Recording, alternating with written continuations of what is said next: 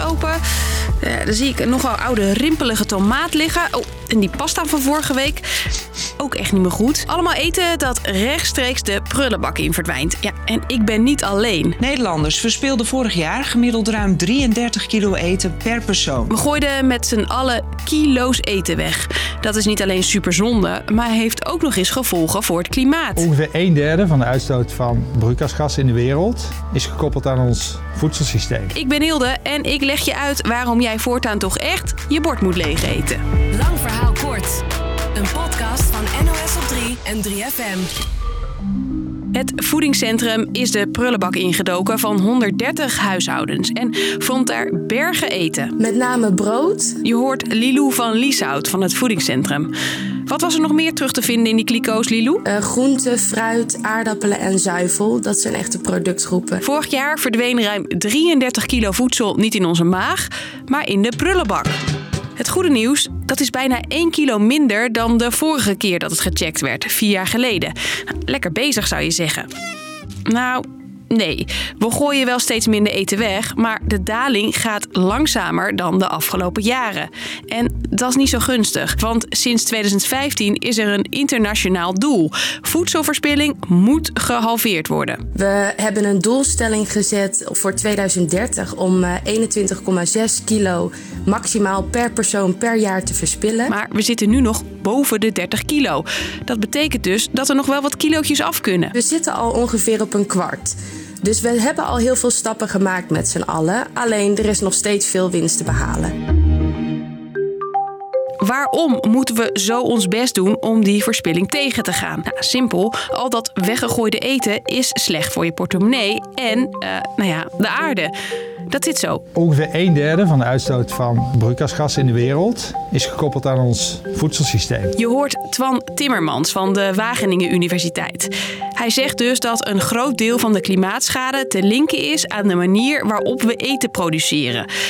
Denk bijvoorbeeld aan ontbossing, schepen vol bananen en avocado's die de halve wereld overvaren. En alle energie die nodig is om die bananen vervolgens te koelen, verpakken en te vervoeren naar jouw supermarkt. En kijk, zolang we die bananen dan nog op zouden eten.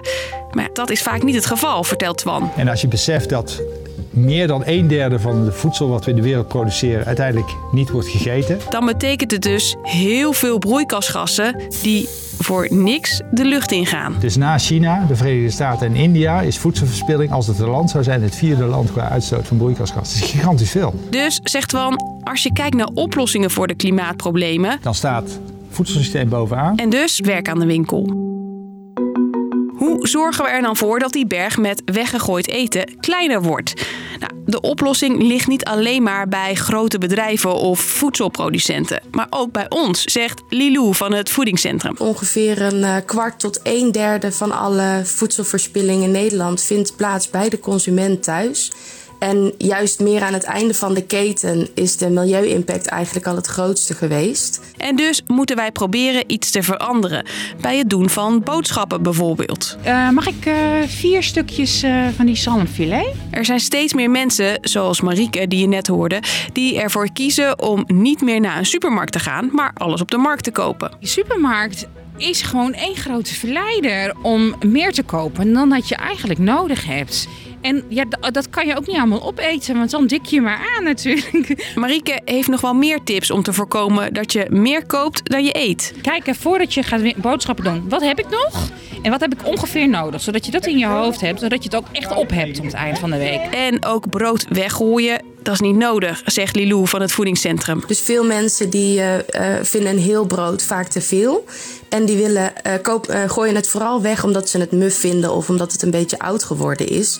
Terwijl uh, invriezen en elke dag precies pakken wat je nodig hebt, is juist een fantastische oplossing daarvoor. En er zijn nog meer oplossingen. Precies genoeg koken, slim bewaren. Hoe richt je je koelkast in?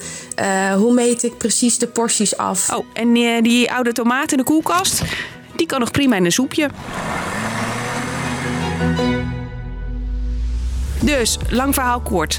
We gooien met z'n allen steeds minder eten weg.